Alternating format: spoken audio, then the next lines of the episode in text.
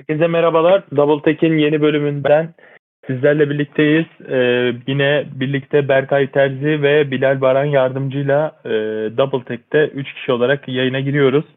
Ee, beyler hoş geldiniz. Hoş, Hoş bulduk bulduk abi. Ee, bir haftalık yine bir aramız oldu. Ee, sağlık problemleri sebebiyle. Ben de hasta olmadan önce muhtemelen son günümde yayında inşallah dolu dolu bir programda sizlerle birlikte olacağız. Vakit kaybetmeden e, başlayalım istiyorum ben. Gündemin sıcak konusu e, Anthony Davis'in sakatlığı Lakers adına bir kabus oluştu. E, korkulan başa geldi diyebiliriz. Anthony Davis Denver Nuggets'la oynanan maçta ayağından bir sakatlık yaşadı ve yapılan kontrollerin ardından sakatlığın e, en az bir ay süreceği söyleniyor. E, Berkay senle başlayalım. Yani Davis'in bu kadar dominant oynadığı bir e, dönemde Lakers'ta da tam işler böyle biraz biraz toparlanmaya başlamışken e, bu sakatlık neler değiştirecek Lakers'ta? E, sakatlığı da aslında tam olarak yani ben mi kaçırdım bilmiyorum bir ayak sakatlığından bahsediyorlar ama detayı hiçbir yerde ben bulamadım. Hem de biraz o konudan da bahsedebiliriz. Yani temas olmayan bir pozisyonda ayağından sakatlandı Davis ve en az bir ay yok şu anda.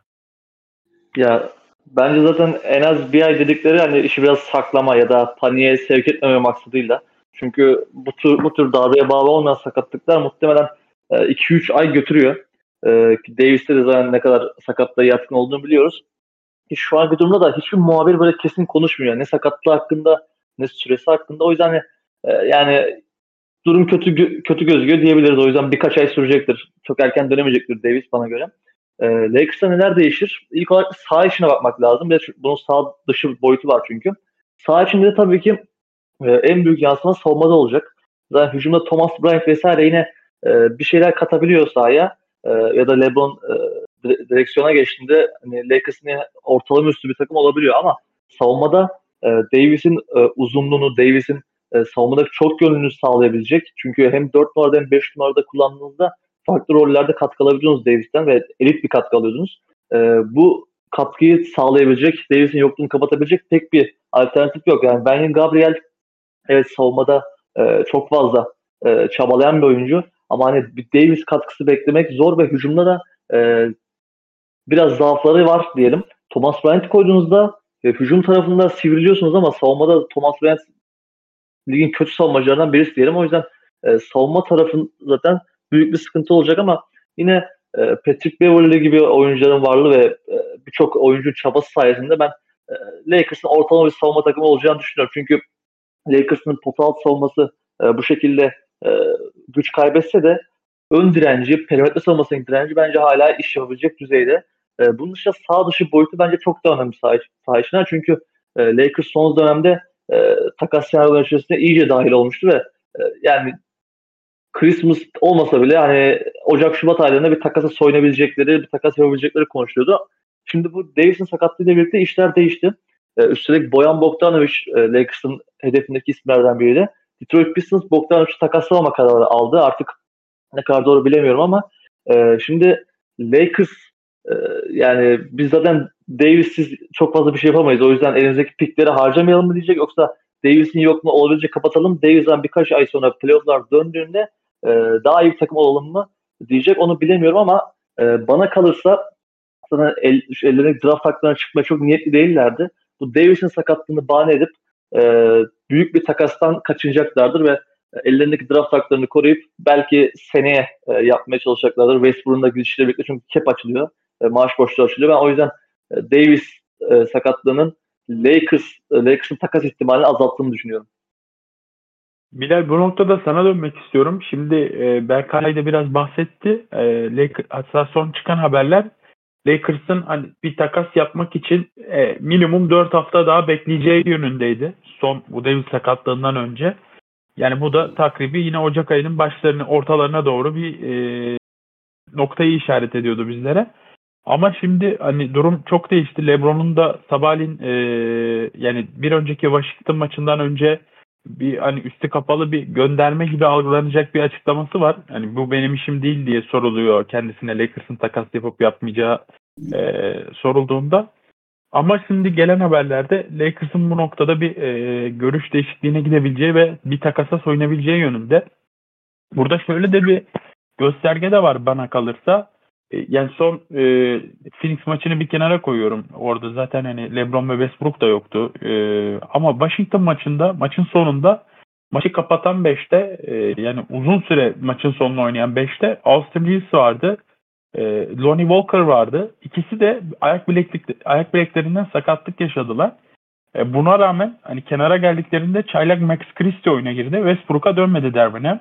Hani sanki bu noktada da e, yavaş yavaş hani Olay Westbrook 6. adamla soyunduktan sonra çiçek bahçesine dönen durum değişmeye başlıyor gibi. Sen ne düşünüyorsun? Sence Lakers'ın e, takas ihtimali Davis sakatlığıyla azaldı mı ve Davis'in yokluğu e, Lakers'ın playoff umutlarını erkenden bitirdi mi? Yani şimdi bakınca Lakers'ın iyi durumda gözükmesinin ve toparlamasının tek büyük sebebi Anthony Davis'in iki yönlü inanılmaz performansı gibiydi o 10-15 maçlık süreçteki. Hatta o aradan sonra zaten işte MVP tartışmaları, cartları, cutları bile bence erken olsa da konuşulmaya başlanmıştı ki hani erken olduğunu da gördük çünkü Davis'in kariyeri boyunca zaten bu sıkıntılarla yaşadığını biliyorduk. Yine baş gösterdi ve yine en az bir ay dediler ama hani büyük ihtimalle daha uzun süre olmayacak takımda. E şimdi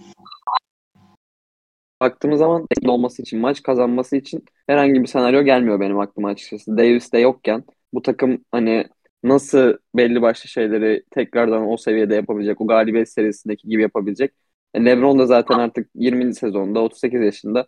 Hani böyle sezondan bir şey olmayacağını fark ettiği anda salan bir topçu olduğu kariyerinin son bölümlerinde LeBron zaten. İşte bunu e, 2018'de yanlış hatırlamıyorsam Lakers'a geldiği ilk sene 2019'da olabilir. E, o sezonda mesela baktı bir şey olmayacak sonra sakatlandı falan filan derken hani satmıştı o sezonu. LeBron'un da açıkçası ben çok büyük bir motivasyonu olduğunu düşünmüyorum şu an. Ha, bu, bu arada şey e, benim işim değil o falan demiş takas sorusunda tamamen onun işi yani. O, o, o, o olayı LeBron'dan başka yapabilecek bir insan yok Lakers'ta. LeBron'a danışmadan, LeBron'un haberi olmadan. Yani o birazcık politik bir cevap olmuş. Ama ben eğer Lakers bir şekilde yarışmacı kalmaya devam etmek istiyorsa ve playoff, play'in hani oraları kovalamak istiyorsa özellikle Davis'in sonra bir takas yaşıyorum. Mesela şu eldeki droyla e, şu Davis'in yokluğunda bence çok büyük bir felaket yaşanabilir. Üst üste mağlubiyetler alınabilir ve sezon toparlanamayacak bir seviyeye gelebilir. Gayet mağlubiyet sayısı açısından. Davis döndüğünde bile. Bu yüzden eğer takımın gerçekten bu sezon için işte şey hedefi var. E, ulan Batı'da hani aslında güçlü takım yok. E, öne çıkan böyle bir çok böyle vagon bir takım yok yani. Birkaç hamleyle Davis de playoff'lara işte sezonun ikinci kısmına sağlıklı gelirse bizim şansımız olabilir falan hani bu mentalitedelerse net bir takas yapmaları lazım. E değil hani olmadı bu Le- LeBron Davis bir şampiyonluk getirdi sonra bize bir gelecek katamayacaklar mentalitesine girdilerse de takas yapmamaları, beklemeleri, işte o deadline'ın sonunu beklemeleri bence daha hayırlı.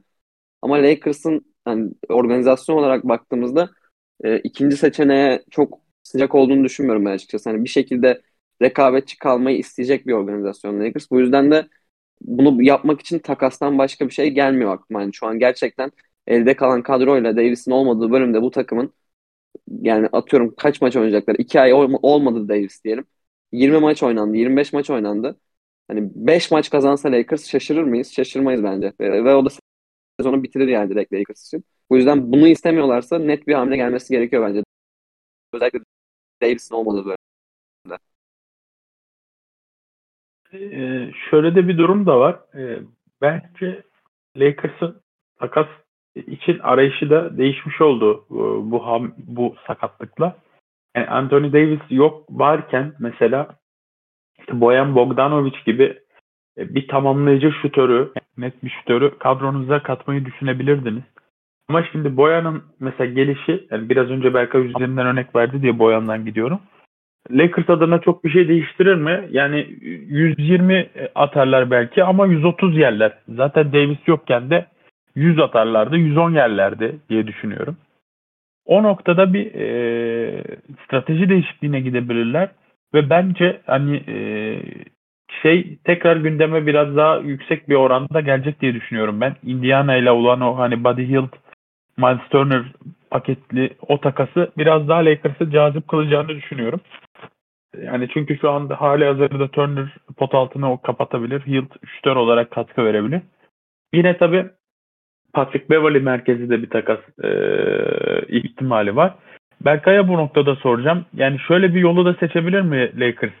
E, Westbrook'u tutup işte draft haklarını tutup belki de bir tanesinden vazgeçip ya da ağır korumalı bir hani şekilde işte Beverly Nunn'lı bir paketle daha e, mütevazi bir takas yapıp hem işte LeBron'a da ya yaptık ama işte bu kadar oldu deyip hem de gelecek planlarını e, yani o draft haklarını bırakmadan bir takasa gider mi Lakers yoksa yaparsa all in deyip işte Westbrook'u herkesin draft haklarını falan yollayıp onları da mı gönderir mi?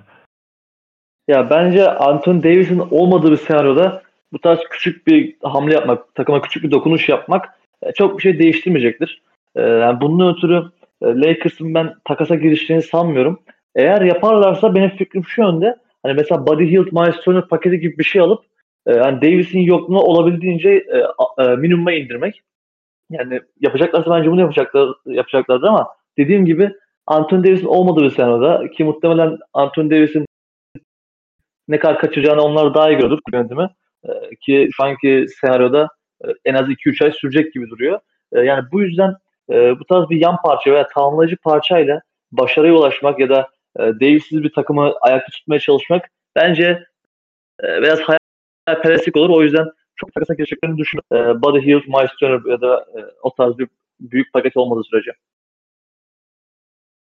Peki Bilal son olarak hani Lakers defterini kapatmadan önce sana şunu sor, şu iki soruyu sormak istiyorum. Birincisi ya Anthony Davis'in üzerinde zaten e, bu cam adamlık inanılmaz derecede yüksek oranda haklı olarak vardı ama yani yine bir sakatlıkla karşı karşıya kaldı. Ee, onun kariyerinin gidişatı açısından ne düşünüyorsun sen? Yani ben bir dönüm noktası olacağını düşünüyorum bu sakatlığın onun adına. Daha doğrusu dönüm noktası demeyeyim bir kırılma olacağını düşünüyorum ya gerçekten bundan sonra hani işler onun adına çok kötü gidecek ya da hani bu sakatlık artık onu bir e, toparlanma evresine itecek. Hani gerçekten her her an sakatlanabilecek oyuncu damgasını çok fena bir şekilde yemiş durumda. Bir diğer soru da e, sen olsan Lakers adına bu büyük takası yapar mıydın? Yani iki draft hakkından bu sezonu kurtarmak adına vazgeçer miydin?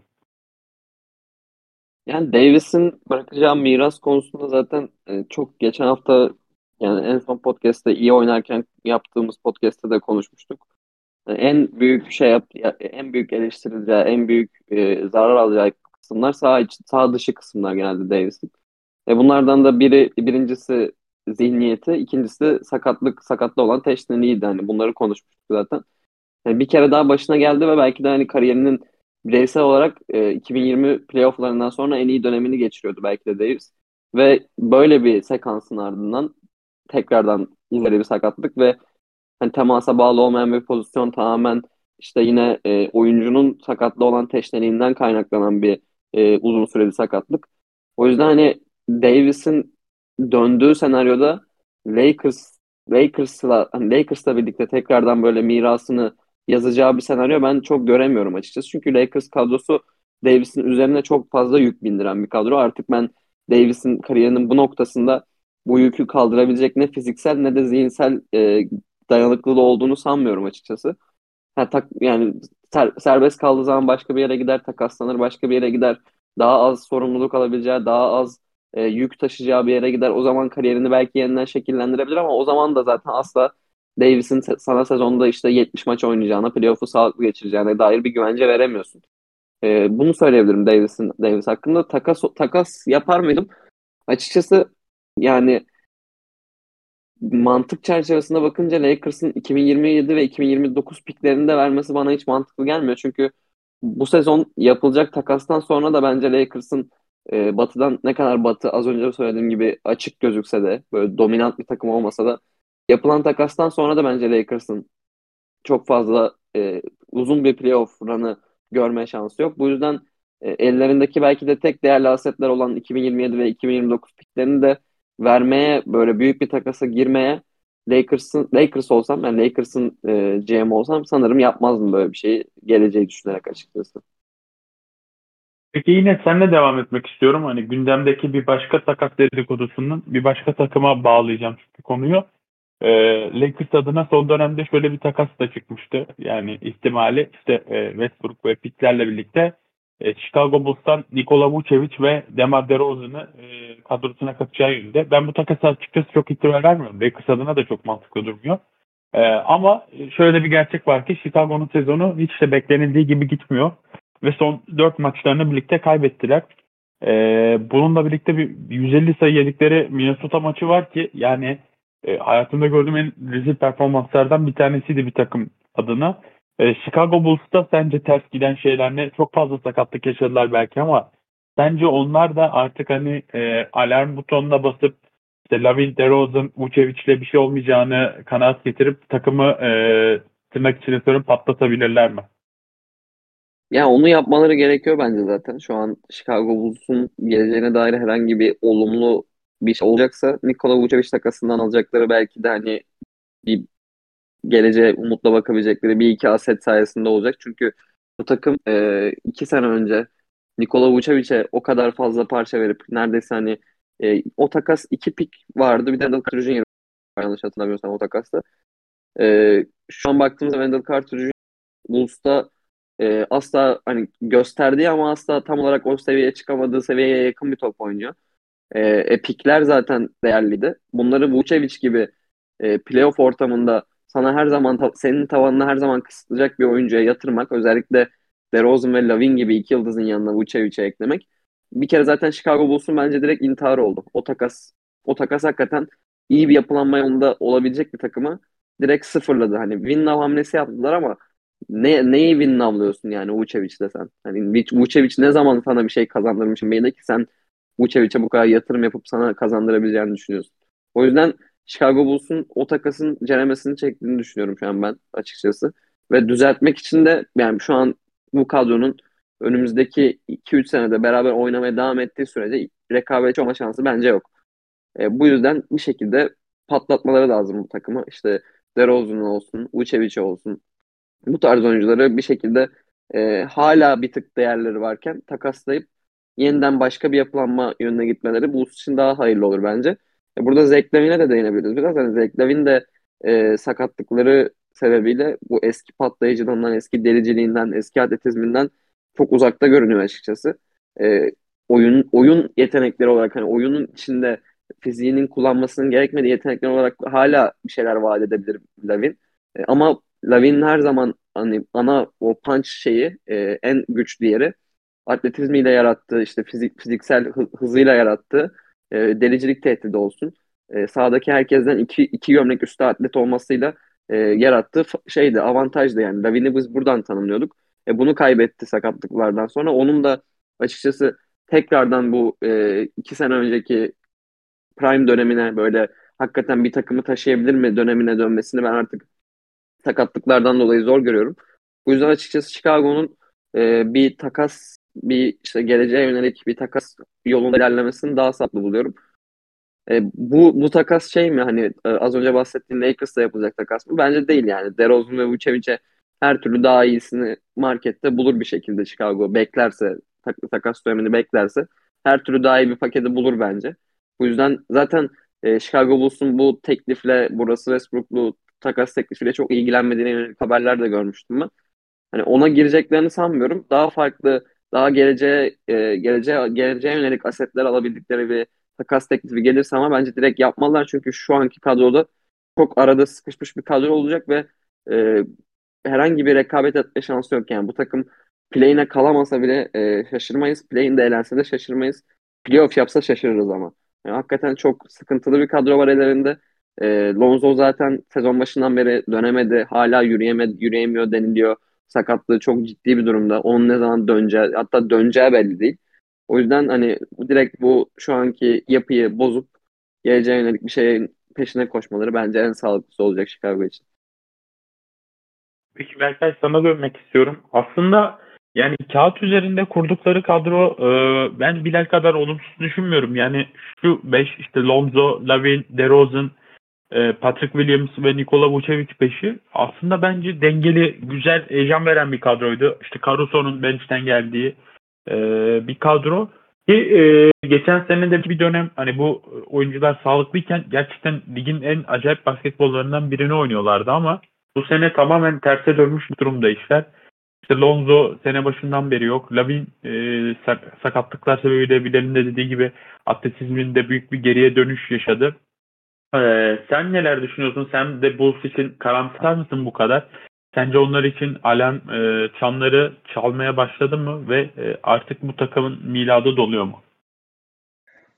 Bence doluyor. Yani şöyle söyleyeyim bu takımın tutkalı e, çimentosu Lonzo Ball'du. Neden? E, çünkü Lonzo Ball oyunun her iki tarafında da üst üste katkı verebilen bir oyuncuydu ve Lonzo'yu denklemden çıkardığınızda Chicago Bulls'ta böyle bir oyuncu kalmıyor. DeMar DeRozan'lar, Vucevic'ler, Alex Caruso'lar hepsi tek yönlü oyuncular. Lonzo olduğunda e, hem savunmaya bir direnç katıyordu çünkü arkada Vucevic'in olduğunu düşünürsek e, yani en en kötü potansiyel savunmalarından birine sahip Chicago Bulls. Ama ön tarafta Alex Caruso ve Lonzo Ball olduğunda o perimetre savunmasının dirençli bir şekilde e, onu kompanse edebiliyorlar ve ortalama ortalama üstü bir takım haline gelebiliyorlar savunmada. Ama o denklemden çıkınca Alex Caruso'nun da hücumda bu kadar e, zaaf yaratan bir oyuncu haline, haline geldiğini düşünürsek Chicago e, tek yönlü bir takım haline geliyor sürekli ve sahaya atabilecekleri çift yönlü katkı sağlayan oyuncular çok sınırlı. Bu da e, takımın sürekli normal sezonunda bile ki bunun playoff için konuşmamız lazım ama normal sezonunda bile e, her açıdan sıkıntı yaratabilen, zaaf yaratabilen bir takım haline gelebiliyor. E, bununla birlikte zaten yan parçaların birçoğu e, güvenilir şutörler değil. Bu da sizin yıldızınız Demar DeRozan'sa Demar DeRozan gibi kendi orta mesafede alan bulmak isteyen, e, drive koridoru bulmak isteyen bir oyuncuysa e, etrafına bu tarz oyuncular Alex Caruso gibi, Ayo Dosunmu gibi veya o tarz oyuncular yerleştirdiğiniz zaman e, zaten siz baştan e, yanlış yapılanmış oluyorsunuz. E, bunun dışında e, şöyle bir durum var. E, Chicago Bulls için işler kötü gidiyor ama hala e, bir şansları var durumu kurtarmak için. Nasıl? E, bu Orlando Magic'e verdikleri e, Wendell Carter ve Franz Wagner'ın yanında Orlando Magic'e verdikleri 2023 ilk tur draft hakkı ilk 4 sıra korumalı. E, yani eğer bugün başlasalar bir deseler ki biz takımı dağıtıyoruz ve tanking yapacağız ve ağır bir tanking sürecine girseler e, ve ligin en kötü derecesine sahip olsalar muhtemelen o piki ellerinde tutma şansları olacak. Çünkü e, %53-%54 ihtimalle ilk 4 sıraya düşüyor o hak. E, eğer e, en sonla e, ligin en son sırasına yerleşirlerse. Yani ben olsam bunu kullanmaya çalışırdım ve o draft hakkını elimde tutmaya çalışırdım. Çünkü bu takımın e, yapılanması sistemi gerçekten çok sıkıntılı. E, diyelim ki bir şekilde durumu kurtardılar, playoff yaptılar. İlk turun ötesine geçeceklerini hiç düşünmüyorum. O yüzden Chicago'nun artık şu vasatlıktan çıkıp çünkü son yıllarda bu vasat bir takım olmaya çok alıştılar. Bu vasatlıktan çıkıp bir şekilde tekrardan e, yapılanma sürecine girmeleri gerekiyor. Orada da şöyle bir soru işareti var. Chicago e, hiçbir zaman drafttan iyi oyuncu bulan e, ve onu işleyebilen bir takım olmadı son yıllarda özellikle. Yani Lauri Markkanen'ler, Wendell Carter'lar çıkarlar evet ama e, o oyuncular Chicago Bulls'ta iyi oynamıyor. Chicago Bulls'ta kötü oyuncularda takaslanlar ve gittikleri takımlarda bir şekilde e, çıkış yakaladılar. Mesela Kobe White e, o da e, 7. sıradan seçildi yanılmıyorsam. Yani bu tarz kötü seçimler çok fazla var Chicago'da son yıllarda. O yüzden kısa vadede baktığımızda takımın yapılanması e, parçalar çok sıkıntılı. Bununla birlikte bir Zach Lavin kontratı var. E, 5 yıl 250-220 milyon dolar tam hatırlayamıyorum.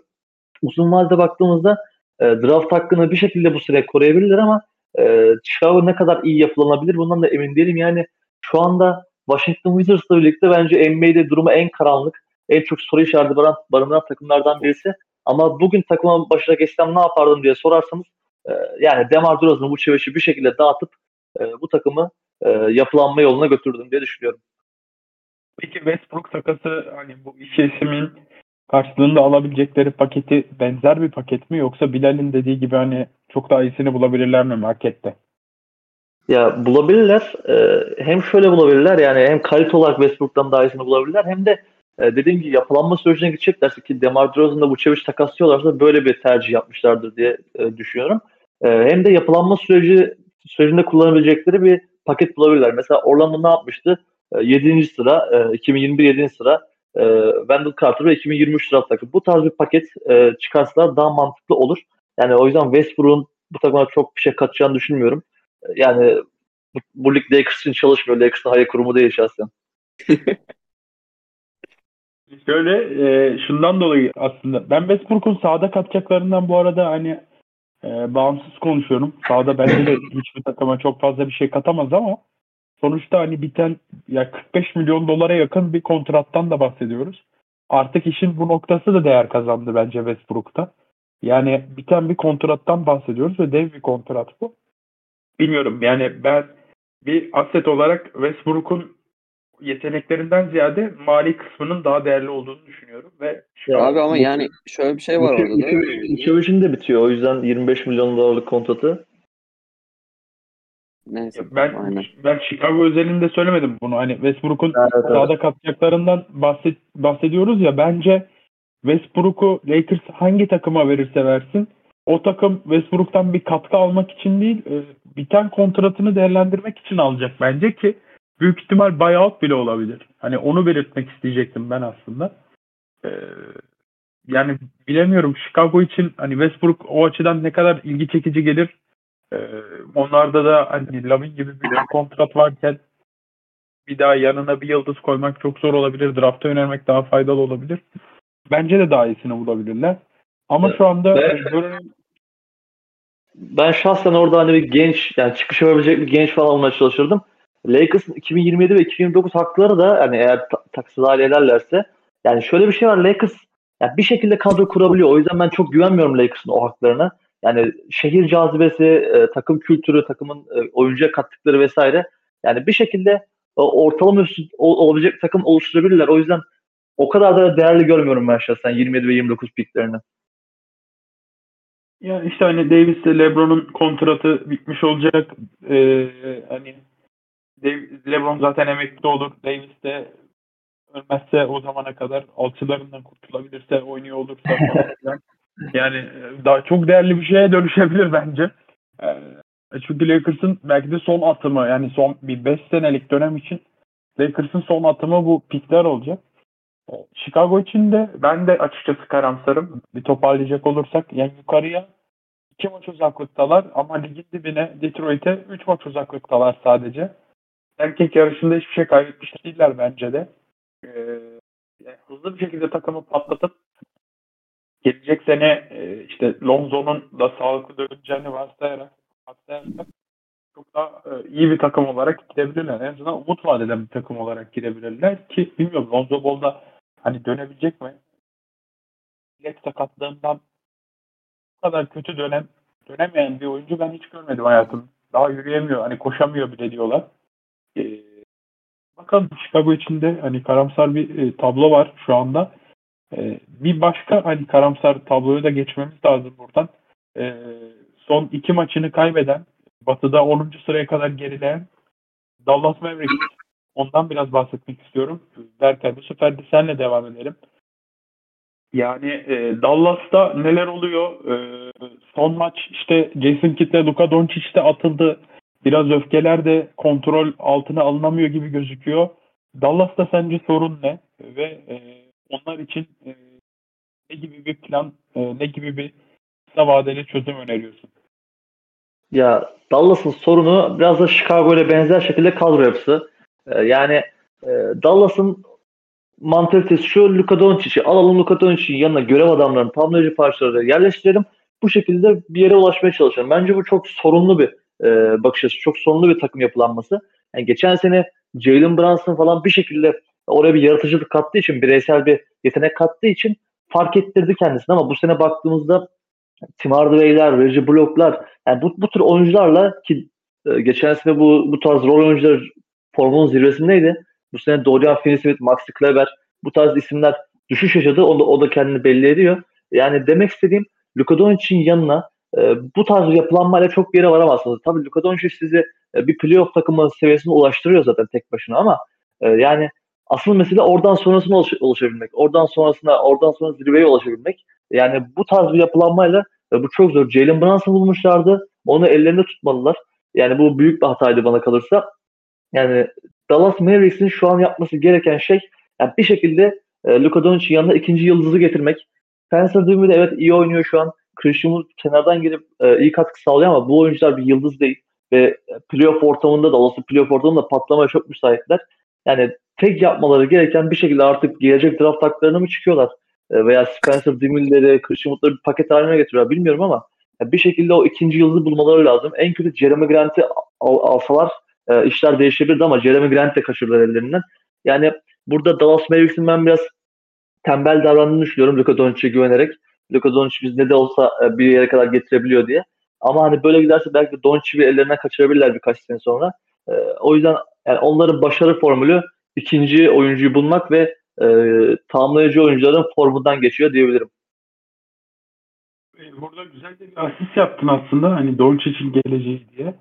E, yani şimdi Doncic inanılmaz bir performans sergiliyor. Hala da e, yani ligin en iyi birkaç oyuncusundan biri gibi oynuyor. Şu anda hani yetmiyor belki ama Dallas'ın kadrosu da belki de yani gelişmek yerine daha da kötüleşiyor gibi geliyor bana her sene. En azından dengesi kayıyor gibi. İşte son olarak e, Maxi Kleber de bir sakatlık yaşadı. Hani takımda e, eli yüzü düzgün basketbolu böyle kuralına göre oynayan işte iyi rol adamlarından birisi olarak göstereceğimiz Kleber de bir sakatlık yaşadı. Pota altı Christian Wood var. İşte e, Jamal McGee var. Norman Powell'ın da, e, şey, e, Powell'ın da bir sakatlığı vardı orada. Yani e, Doncic'in yanındaki parçalar bana kalırsa bence de çok uyumsuz. Doncic de böyle hiçbir zaman duygularını kontrol edebilen biri gibi gözükmedi bana. Son maçlarda zaten sürekli teknik fauller alıyor. İşte atıl, biraz önce dediğim gibi atıldı. Yine sen ne düşünüyorsun? Yani yakın zamanda Dallas böyle devam etmeye giderse devam ederse Doncic'ten kamuoyu önünde bir isyan bayrağı görebilir miyiz? Ya bence zaten yavaştan görmeye de başladık. Hani ki e, bayrağı kaldır, en tek başına savaş bayrağını kaldırmadı ama vücut dili sezon başından beri Doncic'in çok kötü. E, genel olarak takım arkadaşlarının mesela bir Bucks maçı vardı. E, buzzer beater'ı kaçırıyor son iki saniye kala. Bir hücum çiziliyor işte Juru kalıyor e, yanında. Onun üzerinden zor bir şut deniyor ve kaçırıyor. Ondan sonraki bitti falan böyle takım arkadaşlarından, takımdan da birazcık böyle e, ne denir e, hayal kırıklığı yaşadığını gösteren bir vücut dili var bence sene başından beri. Yani hem organizasyona hem takım arkadaşlarına dair bir hayal kırıklığı yaşıyor ve e, Doncic gibi bir oyuncuysanız bu tarz şeyleri yapmaya hakkınız oluyor açıkçası. Çünkü neden? Siz zaten tek başınıza bir takımı e, etrafına doğru yapı kurulduğu zaman şampiyonluk seviyesine taşıyabilecek bir yıldızsınız. E, Dallas gibi bir e, takım Dallas gibi bir takımdasınız. Sonuçta şeyleri de oynamıyorsunuz. Ne bileyim Indiana'da, Sacramento'da falan da değilsiniz. Düşük o kadar düşük pazarlı bir takımda da değilsiniz. Yani bu takımın Doncic geçen sene e, yanında sadece Jalen Brunson varken hani şey olarak söylüyorum topu yere vuracak başka bir oyuncu olarak sadece Jalen Brunson varken kurdukları oyun sistemiyle Doncic bu takımı konferans finaline çıkardı. Her ne olursa olsun. Tamam Batı son 2-3 sene belki eskisi kadar güçlü değil. Belki en zayıf batılardan biri tarihteki ama sonuçta konferans finalinde Doncic ve Dallas vardı. Ve Doncic'in dediğim gibi en büyük yardımcısı Brunson'dı. Şu an Jalen Brunson Knicks'e gitti. Ne kadar iyi bir oyuncu. Hani tamam gayet iyi bir sezon geçiyor ama bir All-Star olabilecek mi mesela? Bu bile bir tartışma konusu. Doncic seviyede bir bile verdiğinizde uyum, uyumu sağlayabilecek sizi konferans finaline çıkardı. E, ondan önceki senelere bakalım. Clippers'la karşılaştı iki kere. İkisinde de Clippers belki de o Kawhi George arasının en böyle en şey serilerini oynadı Clippers. En böyle sağlıklı kaldıkları ve en iyi oynadıkları serileri oynadı belki de ikisinde de Clippers. Ama Doncic sayesinde yine bir şekilde Dallas rekabetçi kalabilmişti iki seviyede de. E senin elinde böyle bir e, yetenek varken, böyle bir işte uzun yıllar lige damga vurabilecek bir yetenek varken bu kadar pasif kalmak da bir noktada cezasını çekmenizi gerektirecek bir şey bence. Çünkü mesela şey olsa Trey Young şu an aynı vücut dilini sergilese, aynı e, işte şikayetleri böyle belli etse şeye kimsenin umurunda olmaz. Neden? Çünkü Trey Young'ın hem istedikleri oldu, istedikleri parçalar yanına alındı. Hem de Trey Young bu kadar büyük çaplı bir yıldız değil. Oyunu tek başına bu kadar değiştirilen bir yıldız değil. Ama Doncic bunu yap yapınca sonuna kadar hakkı oluyor. Ve bence hakikaten de e, Dallas Dallas şu an Doncic'e karşı çok borçlu. Doncic'in eli çok güçlü bu. E, yani elinde çok fazla koz var ve e, kullanabilir yani kullanabilir de çünkü artık bunu görüyorum NBA'de istedikleri olmayan yıldızlar takımlarına karşı bu ellerindeki kozları bir şekilde kullanabiliyor. E, Dallas Dallas da dediğim gibi şu an çok güçlü ve Doncic'in ben hani gidebilirim demesi bile Dallas'ı çok, çok büyük bir paniğe sokar ve e, ellerinde çok fazla bir yıldız alacak aset de yok açıkçası. Hani Jalen Brunson tutulsa belki Brunson'ı bir bir şekilde ona çevirebilirdin ama şu an Dinwiddie verip yıldız almak falan öyle bir dünya yok yani. O Dallas'ın pikleri de çok değerli değil sonuçta. E, kadrodaki diğer oyuncular zaten çok iyi olsa Dallas şu an bu durumda olmaz. Hani hiçbiri belki yani en azından ilk 5'te işte Dorian Finney-Smith olsun, Reggie Bullock olsun, ne bileyim işte rol oyuncular olarak Christian Wood olsun. Belki de hiçbiri kötü oyuncu da değil. Ama e, o yani Doncic'in yanında ikinci bir oyuncu yokken o hepsi rol oyuncusuyken uymayan bir e, şey kadro var şu an. Hani belki Dorian Finney-Smith ne bileyim Boston'a gelse, Bucks'a gitse, Warriors'a gitse, işte bir contender takıma gitse daha böyle rol oyuncusuna ihtiyacı olan olabilir ama Dallas'ta e, ihtiyaç olan şey o değil şu an. Dallas'ın net bir şekilde e, Jalen Brown Jalen Brunson'ın daha kalitesi hatta e, o yere vurabilen, Don üzerindeki yükü az çok alabilen yıldızımsı All-Star seviyesinde bir oyuncuya ihtiyacı var e, e, en kısa zamanda.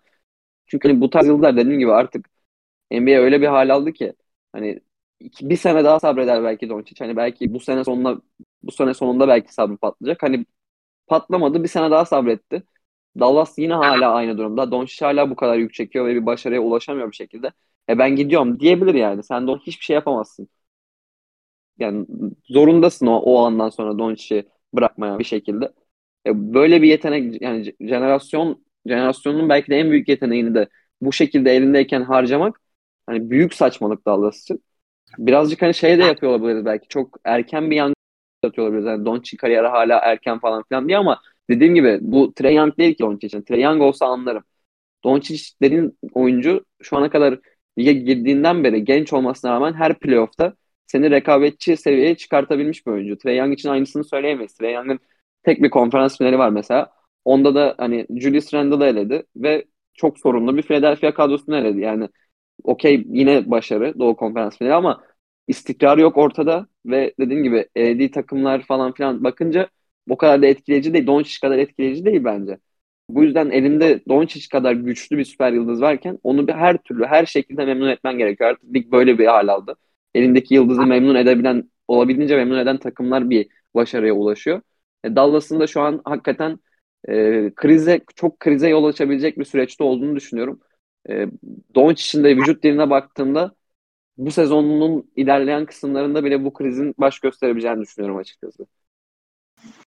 Ben şöyle bir e, şeyden de bahsedeceğim. Yani biraz önce de söyledim. Manevra yapacak bence çok bir alanı yok Dallas'ın.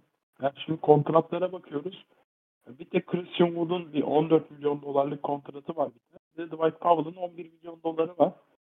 E, bu ikisini kombinleyerek bir şey almaya çalışabilir Dallas sadece. Ve hani böyle bir, yıldız da bir aklıma gelmiyor. Onların o ikinci nokta yani Doncic tamamlayıcı olarak koyacakları. Bence manevra alanları da çok da. Berkay sen ne düşünüyorsun? Yani mesela Josh Green'i de takas etmeyeceklerine dair haberler çıktı. Yani Christian Wood'u versen, Dwight Powell'ı versen 25 milyon dolara böyle bir e, Doncic'in ihtiyacı olan yardımcı oyuncuları daha de, daha değerli toplu bir kadroyu kurabilirler mi?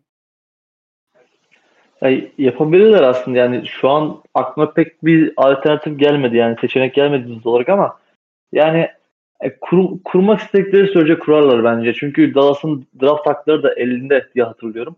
Yani bu ligde artık draft hakları e, yani en azından birkaç sene sonra böyle geleceğe yönelik draft hakları değerlendirmeye başladı. E, yani çünkü takımlar draft hakkı toplamayı e, seviyor Sam Presti sayesinde diyelim. E, yani eğer draft haklarını pakete koyacaklarsa yani bence bir şekilde aranan oyuncuyu bulabilirler veya kontratı biten oyunculara yönelebilirler. Yani e, bence yapamayacakları bir şey değil ama nedense bu konuda ben onları isteksiz görüyorum dediğim gibi. Bence de bu sezonu hani biraz daha izleyelim görelim havasında geçecekler. Yazın belki bir hamle yapabilirler ama e, Doncic için bence de biraz pencereleri e, yavaş yavaş kapanabilir gibi. Yani özellikle bu seneyi bir kenara koyuyorum. Ama bu sene atıyorum play-in'den falan e, girerlerse e, gelecek seneye de bu, buna benzer bir kadroyla başlarlarsa Doncic'in ben de isyan bayrağı çekeceğini düşünüyorum. E, Dallas adına da e, böyle bir tahminde bulunalım ve e, hani ekleyeceğiniz bir şey var mı bilmiyorum ama diğer konumuza geçelim bu haftalık. E, ligin hani ilk yarısı artık geride kalmak üzere. E, takımlar 30 maça yakın bir e, maç oynadılar. az çok e, 30 maçı geçenler de var. Az çok hani e, lig şekillenmeye başladı. Ve tabii ki All-Star'larda e, yaklaşıyor. E, Sizin hani ilk etapta e, bir de sana sorayım. E, Doğudaki hani böyle ilk beşin diyeyim veya hani bu sene sürpriz olur, bu kesin All-Star olur dediğin geçen senelerde All-Star olamamış bir oyuncu var mı? Öyle başlayalım. Yani açıkçası benim de aklıma çok hani Doncic bir de Doncic'te şöyle bir sıkıntı yani sıkıntı değil de e, Doncic'in şöyle bir tarafı var. Biz şu an kadar Doncic'in e, herhangi bir yıldızla beraber oynadığını görmedik ve oyun tarzı da e, tamamen topu domine etme üzerine kurulu bir oyuncu olduğu için e, hani bu kötü bir şey diye söylemiyorum. Hani oyun, oyun tarzı böyle. Herhangi bir yıldızla nasıl olur Doncic? E, herhangi bir e, Jalen Brunson'ın mesela bir tık üstü bir kalite seviyede bir oyuncuyla nasıl oynar Doncic? Bunu çok bilmiyoruz açıkçası ve e, yani iyi sonuç verir mi? Mesela çok hakikaten şeye uyumlu bir yıldız olması lazım. Doncic mesela Jalen Brown tarzı bir oyuncu. Tabii ki Jalen Brown şu an imkansız Dallas için. Yani hem Boston bırakmaz hem öyle bir tek şey yok, paket yok ellerinde.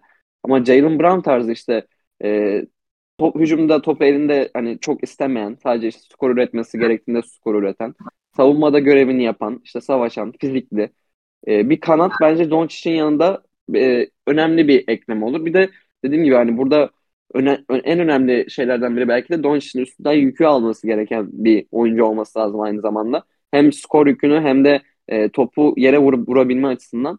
E, böyle bir oyuncu da açıkçası hani ligde kolay yetişen bir şey değil, değil yani. Hani okey bahsedince her şey tık tık oturuyor da bunları kağıt üstünde bahsetmekle bu, bu özelliklere sahip bir oyuncunun direkt kadroya ekleyebilmek kolay şeyler değil. Açıkçası o yüzden benim aklıma direkt hani şuna gidebilirler falan diye belli bir isim, belli bir rota gelmiyor. Yani onu Dallas'ın çözmesi lazım artık. Onu Dallas ofisinde konuşsunlar, bulsunlar birini, getirsinler yani. O benim açıkçası zorlandığım bir kategori Dallas açısından. Peki All-Star'larla devam edelim. Ee, Doğu'da hani böyle e, Doğu'dan başlayalım. Sen daha orayı konuşmak istersin diye düşünüyorum.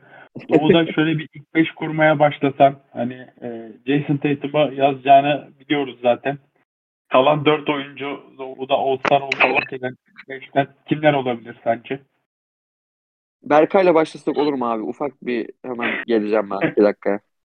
Tamam Berkay sana dönelim o zaman. Ee, sen de muhtemelen Jason Tatum'u koyarsın diye düşünüyorum. Geçtiğimiz haftalarda MVP yarışında da bahsetmiştik bolca kendisinden ama e, Doğu'da e, etrafını kimlerle süslersin Jason Tatum'un? Ee, guard ikilisi olarak e, Danilo kesin olarak zaten koyarım. Ee, Trey Young bu sene pek beğenmiyorum şahsen formunu. O yüzden e, onu almaya uygun görmüyorum ilk 5'e en azından. All-Star olur muhtemelen de. E, Donovan Mitchell'ın yanına benim için iki alternatif var. E, Jalen Brown ve Tyrese Halliburton burada ön plana çıkıyor ama ben burada Tyrese Halliburton'dan yana kullanacağım e, tercihimi.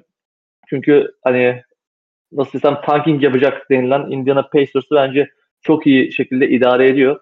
O yüzden bence burada e, yer almayı hak ediyor ama Jalen Brown da girerse zaten şaşırtmaz çünkü ligin en iyi takımlarından birisi Boston Celtics. E, guard ikilisi Donovan Mitchell, Halliburton oldu. Arkaya da Jason Tatum, e, Giannis Antetokounmpo ve Joel Embiid e, koyarım. E, Kevin Durant'i de burada işte takım başarısına gerçi sonlarını topladılar ama takım başarısından vesaire bir şekilde orada bahane üreterek atmak gerek. Çünkü Joel Embiid, Giannis, Durant, Tatum burada çok güçlü adaylar ve hangisi kenarda kalsa can yakar yani. Ama ben burada Kevin Durant'i kenarda tutmaya biraz da e, meyilliyim açıkçası. E, Doğu'da girmesini isteyeceğim yani kimler olabilir diye bakıyorum. Paolo Banchero'nun kesinlikle girmesini isterim. E, hem performansıyla hak ediyor hem de NBA'in böyle kendi süperstarını yaratması bakımından da bence ilk senesinde All-Star olması e, önemli. O yüzden e, bir şekilde ben Paolo Banchero'nun e, bu All-Star e, şeyine dahil edeceğini düşünüyorum. Bununla birlikte Adebayo'nun girmesini isterim. Çünkü geçtiğimiz seneden farklı bir Adebayo var sahada. Bu sezon hücum bakımında çok daha agresif, çok daha kendini ilerletmiş diyebiliriz. Yani bence onun ödüllendirilmesi gerekiyor ki e, Adebayo bence koç, koçlar arasında verilen oylarda girecektir. Çünkü Adebayo lig genelinde hem koçlar hem oyuncular arasında hem medyada çok saygı gören ve beğenilen bir oyuncu. O yüzden iş koçlara kaldığında bence yedeklerden girecektir Adebayo. En kötü wild card'da e, dahil olur diye düşünüyorum. E, bunun dışında Jalen Brunson'ı belki görmek isterim ama şansı ne kadar bilemiyorum. E, ama dediğim gibi benim ilk, ilk beşim Tatum, Yanis, Embiid, Donovan Mitchell ve Tyrese Halliburton. Kenardan da özellikle girmesini isteyeceğim iki oyuncu var. Bankero ve e, Bam Adebayo. Ya şu bence Knicks lobisi ya mutlaka birini atacak içeriye. Hele ki hani böyle oynamaya devam ederlerse şu anda Knicks'te 6 maçlık ya, yo, yanlış hatır. Brooklyn 6 onlar 7 maçlık bir galibiyet serisi yakalamıştı. Yani 7 maç e, işte doğuda böyle devam ederlerse bence Randall'ı bile atabilirler içeriye. E, Öyle bir New York medyası var. E, Ben Durant'i ben ilk 5'e alır mıyım diye düşünüyorum. Hani senden farklı bir şey söyler miyim diye düşünüyorum ama gerçekten Durant'in ben şeyine çok saygı duyuyorum. Yani bu sezon başında yaşananları biliyoruz. Ve hani işlerin ne noktaya geldiğini de biliyoruz. Ama Durant gerçekten ya bu süreçte öyle bir top oynadı ki ben yani onu bir şekilde ödüllendirmek istiyorum. Embiid'in de maç kaçırdığını e, göz önüne alarak ben Durant'i Embiid'in yerine içeriye atardım muhtemelen. Ama dediğim gibi yani hani bu Durant'in hani gösterdiği performansı bir şekilde bence ödüllendirilmesi lazım. NBA'in en ağır eleştirilen oyuncularından birisi. Ben kendi sivri dili de buna sebep oluyor tabii ki ama bilemiyorum. Hani belki onu içeriye atardım. Tyrese Halliburton'a kesinlikle katılıyorum. Yani böyle bir performans inanılmaz. 10, 10, neredeyse 11 asist yapıyor ve hani iki buçuğa yakın bir top kaybı vardı. Top kaybı asist, asist top kaybı oranı dördün de üzerinde. İnanılmaz bir performans. Ligin asist kralı. Bence de o içeriye bir şekilde kendini atar. Ee, onun dışında Ya ben, yani- bence Hal- Halliburton yaptığı iş Jalen Brown'dan biraz daha değerli benim gözümde. O yüzden ilk 5'e aldım ben. Katılıyorum ben de sana. Zaten Jalen Brown Boston'la hani ben iki tane Boston'la ilk beşe alamam hayatta. o da var. E, şunu da sana son Bilal'e hani bir daha geri pas atmadan önce şunu da soracağım. Gerçi takımın çok kötü ama Porzingis hakkında ne düşünüyorsun? Hani e, şu anda belki takımı pek iyi bir performans gösteremiyor olabilir ama Porzingis gerçekten iyi bir basketbol oynuyor bence. Bence de iyi basketbol oynuyor da yani şahsen Washington Wizards'lı bir oyuncu All-Star almayı ben pek uygun görmüyorum. E, O yüzden bence Porzingis kaçıracaktır ya. Ben, ya şahsen ben 12 kişilik All-Star kadromu almazdım öyle söyleyeyim. Ama hani basketbol oynayan, basketboldan yana hiçbir itirazım yok. Son senelerin en iyi basketbol oynuyor bireysel anlamda. Ama O gelen geçen de va- gelen geçen uzun da Washington potasına 50 sayı bırakıyor ya. Öyle o hala şey yani. Geçerli Tabii o-. Ya, Ay ya adam yani şey ya öyle bir hani yani defansif bir oyuncu olmasını bekleyemeyiz ama o karma o, o kelime işte karmaşada bir türlü cümleyi kuramadım. Bence akıl başında basketbol oynaması bile hani ya bu tımarhaneden sen çıktın tebrik ederiz deyip All-Star olması lazım diye düşünüyorum. Bilal sana dönelim. Senin Jason Tatum'un yanına ilk beşe koyacağın isimler kimler? Berkay'a katılıyor musun sen de? Hadi Burton. Ben açıkçası Yannis konusunda katılıyorum ama e, ben de Durant ben o konuda senin yanındayım. Durant'ı alırım ben de. Embiid'in kaçırdığı maçlardan dolayı ve Brooklyn'in sezon başından beri yaşadığı krizleri düşününce işte Kyrie Irving krizi, genel olarak Durant'in kendi kendine yarattığı krizler de var işte. Biz aslında o kadar da iyi bir takım değiliz tarzı böyle salak salak açıklamalar yaptığı dönemler de var ama yani o krizlerden bir şekilde Brooklyn sağa çıkabildiyse şu an iyi durumdaysa bunun tek sebebi Durant'in çift yönlü muhteşem oyunu. Gerçekten hani şu an e, Tatum ve Durant ve Yannis büyük ihtimalle hani bu üçlü kadar oyunun çift yönüne bu kadar fazla etki eden başka bir oyuncu yok şu an NBA'de. E, ve bunu dediğim gibi Nets gibi çok kaotik, çok böyle birbiriyle uyumsuz, e, çok fazla zaafın olduğu bir kadroda yapıyor Durant. Ben o yüzden NBA'nin önünde Durant'ı alırım açıkçası. E ben Halliburton'un önünde de Jalen Brown'u da alırım açıkçası. Yani sizin aksinize. Ne kadar şaşırtıcı olduğu sizin için bilmiyorum tabii de. E, yani alırım çünkü dediğim gibi yani geç çok konuştuk zaten Celtics hakkında. Hani ligin en iyi takımı ve e, Aralık ayında sayı lideri bu takımın Jalen Brown. Okey. E, top kayıpları falan filan hala Brown'un kronik sıkıntısı bunu özellikle bu deplasman turnesinde 6 maçlık deplasman turnesinde çok net gördük Jalen Brown'da. Çok fazla hala top kaybediyor. Çok fazla savruk e, sekanslar yaşayabiliyor maç içerisinde ama hani bu takım Aralık'ta dediğim gibi NBA'nin en iyi takımının Aralık'taki en skorer oyuncusu Jalen Brown'dı. E, sezona da gayet iyi, iyi bir giriş yaptı bence. Yani şu son dediğim gibi 6 maçlık deplasman turnesini saymazsak. Bu yüzden ben Jalen Brown'u ödüllendirmenin daha sağlıklı olacağını düşünüyorum. Mitchell'a da katılıyorum. Yani Halliburton'un da kesinlikle yedeklerden gelip All-Star olmasını düşünüyorum tabii ki de. Peki hani Banchero dedi mesela e, Berkay, senin Adebayo dedi. Senin böyle yedekten Doğu Konferansı'nda All-Star olmasını beklediğin, All-Star formasıyla görmek istediğin isimler var mı? Ya Bankero açıkçası beni de bayağı mutlu eder. Ya çünkü bir kere ben bu Griffin'den beri sanırım bir çaylak All-Star olmuyor ki e, Griffin'de şey gibiydi, Simmons gibiydi. E, ilk senesini full sakat geçirmişti. E, ondan sonra e, ikinci senesine geldiğinde direkt hani çaylak senesi sayılıyor yine ve orada şey olmuştu. E, All-Star seçilmişti. Ben direkt böyle bir çaylak senesinde All-Star olan bir oyuncu uzun zamandır hatırlamıyorum açıkçası. Bu yüzden Bankero'nun e, şu Orlando'nun son galibiyet serisinde işte dün bozuldu ama e, ondan önceki 6 maçlık galibiyet serisinde bir de yendikleri takımlar da işte iki kere Boston Celtics yendiler zaten. Hani bunlara bakınca Bankero'nun da e, All-Star için ciddi bir aday ol, olabileceğini düşünüyorum ve beni de açıkçası e, çok mutlu eder Bankero'nun All-Star olması. Dediğim gibi bir çaylak All-Star olsun. Hani ilk senesinde direkt lige giren biri çaylak olsun. Bu beni açıkçası çok mutlu eder. Katılıyorum o konuda. Onun dışında böyle hipster bir seçimim var mı? Açıkçası yok ya. Bu sene bence e, bir tık daha belli hani böyle çok aa bu niye girmedi falan diyeceğimiz bir oyuncu çok olacak mı emin değilim. Hani Batı'da belki olabilir guard rotasyonunda özellikle. Ama onun dışında böyle hipster bir seçimim yok açıkçası. Peki hiç hız kaybetmeden e, Batı'dan devam edelim seninle. Benim tüm hani konferanslar arasında All-Star olmasını en çok görmek istediğim oyuncu Batı'da. Gilgeous Alexander.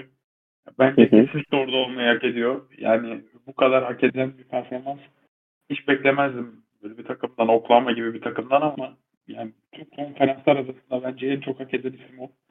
Ee, hani güzel bir ödül olur onun için. Diyorum, pası sana atıyorum. Batı'da ilk beşin nasıl olur? Var mı plaselerin?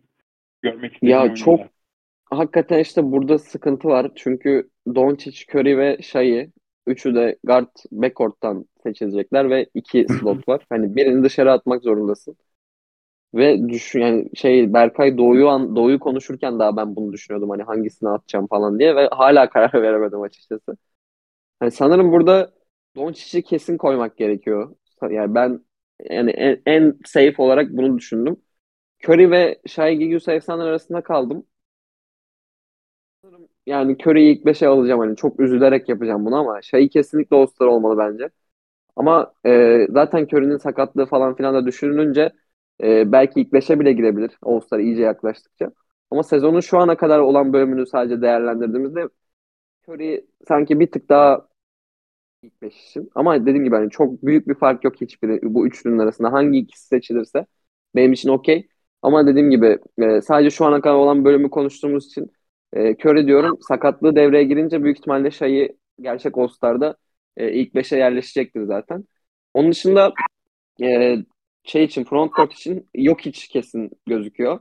E, onun dışında Zion Williamson e, büyük ihtimalle oralarda olacak. Pelicans'ın da e, ne kadar bocalasalar da son yani son ma- son maçta bocalasalar da iyi gittiğini düşünürsek Zion Williamson'ı oralarda göreceğiz gibi gözüküyor.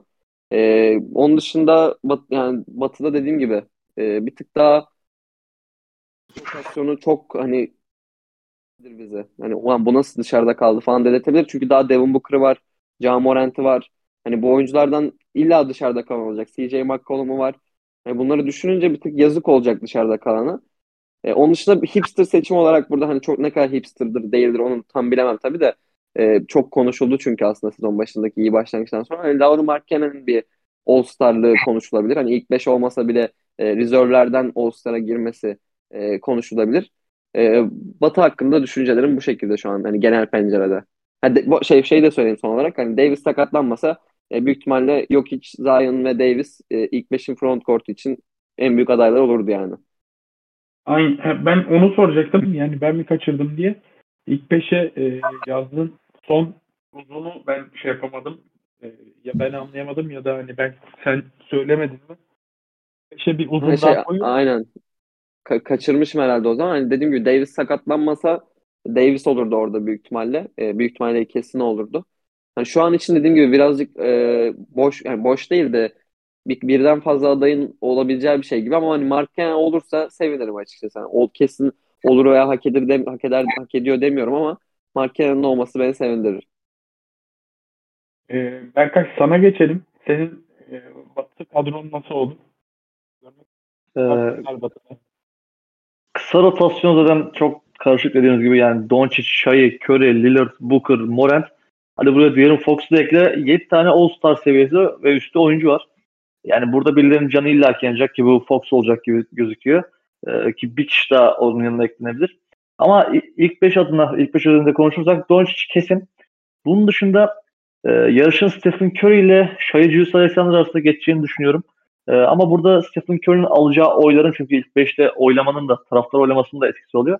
Curry'nin oylarının onu öne atacağını düşünüyorum. O yüzden e, Doncic ile Curry e, burada e, guard ikilisi olacaktır. Arkada, arka üçlüde Jokic kesin. E, Anthony Davis sakatlığı sebebiyle sanmıyorum e, artık bir All-Star yarışmacısı olduğunu. O yüzden onu devreden çıkarıyorum. E, Jokic'in yanında da LeBron'la Zion Williamson'ı eklerim ben. E, bu üçlü e, benim front court üçlüm olur.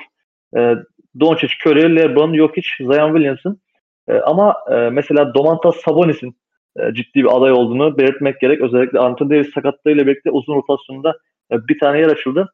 Ve illaki Sacramento Kings'ten birini ödüllendireceklerdir. Sezon başında ödüllendirilecek kişinin Fox olduğunu düşünüyordum ama Fox'un sakatlığıyla birlikte e, yaşadığı düşüş Sabonis burada ön plana attı. O yüzden ben Sabonis'in kesinlikle All-Star olacağını düşünüyorum.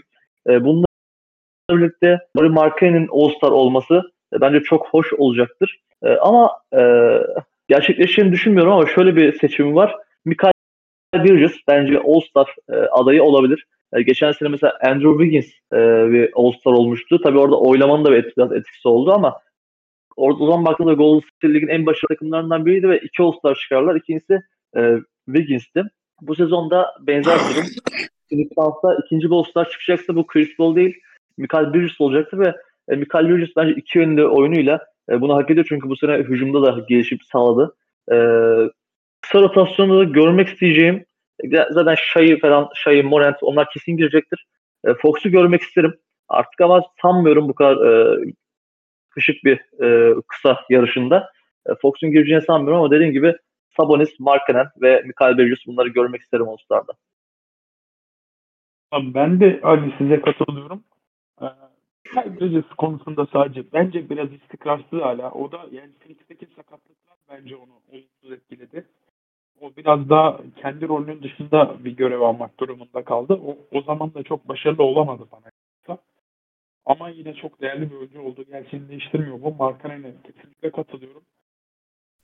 Hani biraz değişik bir e, seçim olarak hani sunabileceğim isim e, kim olur düşünüyorum. Ceren Grant yani bilmiyorum sezona biraz yavaş girdi ama bence o da çok iyi toparladı. E, Ceren, Ceren Grant demişim. Jeremy Grant e, hani o biraz toparladı. Belki o olabilir. Yani ona bir ödül vermek gerekebilir ama genel olarak siz aynı düşünüyorum. Ama e, e, Batı'da yarışın Doğu'ya kıyasla çok daha setin geçeceği aşikar gibi duruyor şu anda All-Star'larda. E, göreceğiz. Sezonun ilk kısmı geride kaldı. Ee, var mı yani eklemek istediğiniz bir şey yoksa yavaştan kapatalım artık derim. Benim Benim ekleyeceğim yok bir şey yok. Aynen. Tamam. O zaman yavaştan kapatalım. Çok teşekkür ederiz hani bizleri dinlediğiniz için bu noktaya kadar. Bilal ağzına sağlık abi. Senin de ağzına sağlık abi. Berkay senin de ağzına sağlık kardeşim. Çok keyifli bir Eyvallah. yayın oldu. Umarız, umarız dinleyenler de keyif almıştır. Ee, çok teşekkür ediyoruz. Mutlu günler diliyoruz efendim. Hoşçakalın.